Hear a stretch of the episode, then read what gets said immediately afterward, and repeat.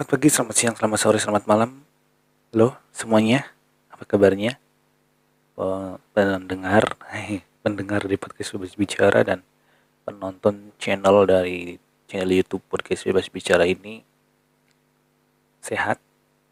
Ya, semoga dalam keadaan sehat ya. Dan kali ini kembali hadir untuk membahas, untuk membicarakan sesuatu hal yang perlu dibicarakan. Saya itu langsung hadir untuk kalian semuanya. Ya, sebenarnya mau merekam tadi malam ini saya merekamnya pagi-pagi ya. Tapi tadi malam banyak kegiatan kesibukan yang menyita waktu ya untuk kesibukan sendiri sih ya yang sebenarnya dibilang penting nggak penting itu eh, kesibukan media sosial. Jadi saya baru sempat merekam pagi-pagi ini dan itu pun saya memilah materi-materi yang berkeliaran dalam pikiran dan saya memutuskan untuk materi kali ini saya berjudul ghost atau hantu atau setan. Ini Jadi- di edisi kali ini saya akan membicarakan yang serem-serem.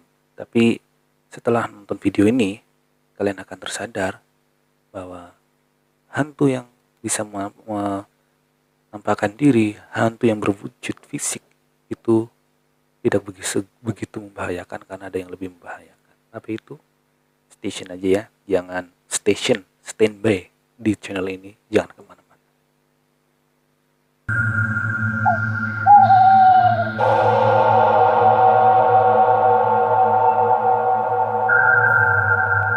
Teman-teman semuanya kalau ngomongin tentang konten horor kalau kita sharing di YouTube itu banyak sekali channel-channel yang menyajikan hal-hal horor hal-hal yang membuat kita bersensasi untuk merasa, takut. Ada channel-channel yang selalu membagikan eh, eh, paranormal experience ya pengalaman-pengalaman yang menakutkan. Dan orang-orang Indonesia karena orang-orang timur biasanya seperti itu sangat menyukai hal-hal yang berbau klinik berbau mistis. Jadi eh, channel-channel atau konten-konten horor itu kalau di Indonesia terutama ya khususnya lah ya. Itu konten eh, konten-konten seperti itu mudah sekali melejit. Ya dan karena Indonesia ini ya orang-orangnya memang seperti yang saya bilang tadi suka menyukai hal-hal yang klinik atau mistis. Jadi ketika di YouTube itu menjamur konten-konten horor itu suatu hal yang bisa menjadi makanan untuk untuk para pecinta klinik, para pecinta mistis. Jadi seperti itu. Jadi kali ini saya akan membahas tentang hal itu, tentang eh, setan, tentang hal-hal gaib gitu. Jadi saya sendiri sebenarnya kalau mengalami hal-hal gaib itu misalnya melihat hantu itu bisa dibilang jarang dalam kehidupan paling hanya satu dua kali itu pun eh, tidak begitu menyeramkan ya. Tidak seperti cerita-cerita orang-orang yang ekstrim dalam mengalaminya. Dan satu hal yang ingin saya, bukan satu hal saya ingin menyampaikan tentang yang namanya hantu yang berwujud ini ya. Ada pocong kuntilanak gendruwo dan lain sebagainya yang kita kenal di sebagai tokoh-tokoh hantu di Indonesia kan seperti yang saya sebutkan tadi. Itu sebenarnya ya memang kalau dibilang menyeramkan memang menyeramkan. Ya yang membahayakan juga yang membahayakan. Kita jangan menyepelekan hal itu. Tapi yang lebih membahayakan sebenarnya adalah setan. Setan yang ada dalam pikiran kita. Ya setan yang ada dalam pikiran kita yang sudah menjadi pola pikir yang sudah merasuk mengalir di dalam aliran aliran aliran sel-sel darah kita yang sepi yang menjadi spirit atau energi dalam diri kita ya. Setan-setan yang sudah merasuk ke dalam pikiran yang menjadi pola pikir itulah yang sebenarnya paling membahayakan dan bisa itu juga paling menyeramkan ya. Karena hal itu ketika spirit setan dalam diri ketika pikiran pikiran kita dipenuhi oleh ambisi-ambisi iblis ambisi-ambisi setan kita akan menjadi orang yang benar-benar jahat, lebih jahat dari setan, lebih licik dari setan. Ya, kita lihat kasus-kasus pembunuhan sadis, kasus-kasus yang membuat kita apa namanya tercengang yang dilakukan oleh manusia. Ya, itu sebenarnya lebih kejam, kejam lagi ya, lebih kejam dari hmm, binatang. Banyak ya banyak manusia perbuatannya lebih kejam dari binatang. Banyak manusia perbuatannya lebih hmm, lebih sadis daripada seorang seekor binatang ya. Kayak kalau harimau itu yang bisa dibilang binatang buas itu pun tidak mau makan anaknya sendiri. Tapi manusia banyak ada yang anaknya dibunuh. Ada yang anaknya eh, dianiaya gitu. Pokoknya spirit iblis yang sudah merasuk ke dalam diri manusia itu lebih bahaya. Tetapi kalau kita berbicara masalah iblis iblis bukan bukan masalah setan yang kelihatan yang berbentuk fisik yang berbentuk pocong lah berbentuk kuntilanak lah berbentuk gendruwo berbentuk uh, lainnya yang berbentuk fisik kalau kita berbicara itu itu sebenarnya tidak membahayakan daripada spirit atau uh, pemikiran setan yang sudah merasuk ke dalam diri kita. Ya karena justru karena biasanya kehadiran kehadiran makhluk-makhluk halus di tempat di tempat tinggal kita ketika kita akan melewati tempat angker justru itu malah kita bisa berdoa ya. Kita bisa melakukan hal-hal spiritual karena ketakutan kita kita dituntut untuk misalnya di rumah. Di rumah sering muncul hal-hal aneh penampakan-penampakan yang membuat kita takut. Terus di situ kita malah bisa ini bisa mendekat kepada Tuhan. Kita bisa uh, mengadakan pengajian lah ya. Bisa mengadakan doa bersama di rumah gitu. Sebab coba kalau nggak ada gangguan uh, gaib misalnya gangguan-gangguan dari makhluk yang mereka yang tak kasat mata kita ya asik nonton film-film uh, sinetron nonton sinetron asik dengan senang kesan sendiri. Tetapi ketika ada gangguan-gangguan dalam uh, dari gaib ya di rumah kita misalnya gitu kita justru bisa mengadakan doa bersama kita lebih rajin ibadah walaupun uh, motivasinya motivasi karena ketakutan gitu. Nah ya itu justru ya itu peran dari uh, hantu atau setan-setan yang bisa menampakkan diri. Ya istilahnya ya bukan berarti saya meremehkan mereka ya tetapi itu lo, tidak lebih membahayakan daripada setan yang sudah merasuk dalam pikiran. Ingat itu karena ketika setan sudah merasuk ke dalam pikiran, sudah menyatu dengan kita ya, kita bisa menjadi orang yang benar-benar jauh dari Tuhan.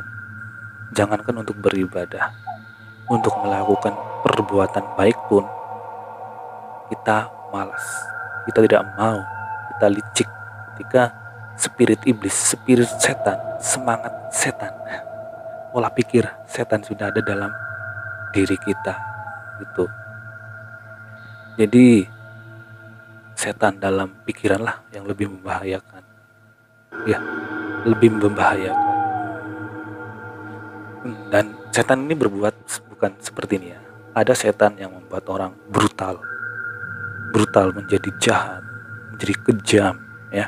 Tetapi hati-hati ada setan juga yang membuat kita sombong, yang membuat kita berkata gini, ah orang si A lebih jelek dari saya saya cukup saya cukup baik saya cukup bijaksana cukup sampai di sini saja perbuatanku uh, kebijaksanaanku. Saya tidak tidak perlu berkembang lagi lah. Saya sudah baik kok ngapain harus berbuat baik lagi? Ada yang setan pemikir yang berpikir seperti itu ya. Ada yang setan yang bawa kita kepada cukuplah berbuat baik saja. Tidak perlu urusan-urusan dengan Tuhan lah tidak perlu beribadah lah. Yang penting saya sudah baik ada setan seperti itu. Walaupun eh, ada juga dan banyak setan-setan yang mempengaruhi pikiran kita yang membuat kita bisa menjadi orang yang kejam ya. Bisa menjadi orang yang sadis yang jauh dari Tuhan. Jadi kalau kita berhadapan dengan setan-setan yang dalam bentuk fisik ya ya ya boleh mungkin kita memang dan jangan meremehkan mereka tetapi kita juga jangan terlalu takut. Karena kita memiliki Tuhan. Teman-teman memiliki Tuhan karena kalau kita mengaku orang yang beragama kita pasti percaya Tuhan. Ya percaya Tuhan itu jangan hanya di mulut saja ya tapi juga di dalam perilaku kita jadi dalam kehidupan kita. Karena banyak orang yang mengaku percaya Tuhan tetapi kalau melewati tempat gelap lari. Melewati tempat yang dianggap angker lari terbirit-birit mereka lebih percaya ada setan di situ daripada percaya Tuhan. Kan? Tuhan ada di mana-mana. Tetapi kok kalau melewati tempat gelap lari. Melewati tempat angker lari. Kalau dipertanyakan arti kamu benar-benar percaya Tuhan atau percaya setan? Uh, kamu percaya Tuhan ada atau setan ada? Gitu. Jadi kalau kita takut kepada hal-hal yang berbau gaib ya dekatkanlah diri kepada Tuhan. Uh, ini perbanyak ibadah terus uh, jangan terlalu takut kepada hal-hal yang seperti itu. Nah kita manusia diciptakan lebih sempurna dari makhluk-makhluk gaib dari makhluk-makhluk gaib ya. Kita memiliki hak istimewa untuk untuk menyembah kepada Tuhan untuk berdoa kepada Tuhan. Jadi ketika di mana pun kalian berada kesendirian di kegelapan di tempat-tempat yang dianggap angker ya kalian berdoalah ketika berada di tempat-tempat itu. Tanamkan dalam pikiran kalian, dalam mindset kalian, dalam diri kalian bahwa Tuhan itu ada ya. Setan memang ada tetapi Tuhan juga ada. Ketika kalian berpikir bahwa misalnya kalian di tempat gelap di tempat yang cukup menakutkan dan menyerahkan kalian ber, memiliki keyakinan bahwa Tuhan pun ada di sini. Ya karena Tuhan ada di mana-mana. Kalian akan lebih bisa mengurangi apa bahkan menghilangkan rasa takut gitu. tetapi ketika kalian masuk ke dalam tempat yang angker tempat yang dianggap serem di kegelapan gitu langsung kalian berpikir ah jangan-jangan di sini ada setan. Ya otomatis kalian langsung ini langsung takut lah gitu. Langsung acir lari pasti. Nah di situ ketika takut ketika lari kalian benar-benar tidak percaya tidak percaya adanya Tuhan. Kalian hanya percaya pada Tuhan ketika kalian mendapat sesuatu yang menyenangkan. Ketika kalian beribadah gitu. Tetapi percaya Tuhan tidak sampai hanya di situ saja. Percaya Tuhan di mana pun dalam kondisi apa pun kepercayaan kita kepada Tuhan harus tetap dijaga gitu. Kalau kita dekat sang pencipta dekat sang pemilik hidup kita dalam menjalani hidup ini pun kita akan lebih ringan melangkah. Kita tidak dibelenggu oleh perasaan-perasaan takut kita perasaan-perasaan khawatir kita. Lagi yang berkaitan dengan hal-hal gaib ya. Ketika kita mengaitkan hal-hal gaib dan dengan ketakutan kita kita harus pertanyakan kepada diri kita kita benar-benar sudah percaya Tuhan dengan benar belum? Dan balik lagi tadi bahwa setan yang paling membahayakan adalah setan sudah merasuk ke dalam pikiran ya. Setan yang sudah merasuk dalam pikiran. Saya sendiri ya kalau misalnya berjalan malam-malam ya di tempat yang sepi gelap di, misalnya di jalan gitu. Yang saya takutkan itu ada sebenarnya yang utama. Kalau saya sendiri itu bukan hantu atau setan yang tiba-tiba muncul. Tetapi yang saya takutkan adalah orang-orang yang jahat. Orang-orang licik kayak perampok kayak pemalak. Yang bisa saja melukai kita kapan pun. Di mana ada kesempatan gitu. Justru orang-orang yang sudah memiliki pikiran-pikiran setan inilah yang memiliki perilaku-perilaku setan inilah yang lebih membahayakan dari makhluk-makhluk gaib lebih membahayakan. Jadi sore itu nih yang saya sampaikan di rekaman YouTube di rekaman podcast juga kali ini. Ya. Thank you ya kalian yang sudah menonton. Semoga apa yang saya sampaikan ini bermanfaat. Paling tidak paling tidak bisa dipahami ya. Kesimpulannya adalah bahwa setan yang paling membahayakan adalah setan yang ada dalam pikiran kita. Jadi jaga pikiran kita supaya tidak dirasuki tidak dipenuhi oleh pikiran-pikiran setan bagaimana caranya ya bergaya hiduplah yang benar dengan cara rajin ibadah, rajin berdoa, mendekat kepada Sang Pencipta. Karena oh, tempat yang paling aman adalah di hadapan Tuhan. Tempat yang paling aman adalah ketika kita benar-benar dekat dengan Tuhan. Gitu. Gimana? Was, paham? Mudah-mudahan ya. Oke. Ini aja. Jumpa lagi nanti di rekaman berikutnya jangan jangan ini ya jangan baper dengan backsound backsound menyeramkan ini tetapi fokuslah kepada apa yang saya sampaikan tadi oke hmm. berdoalah ketika kalian merasa takut dan jangan terpengaruh oleh hal-hal yang belum tentu terjadi.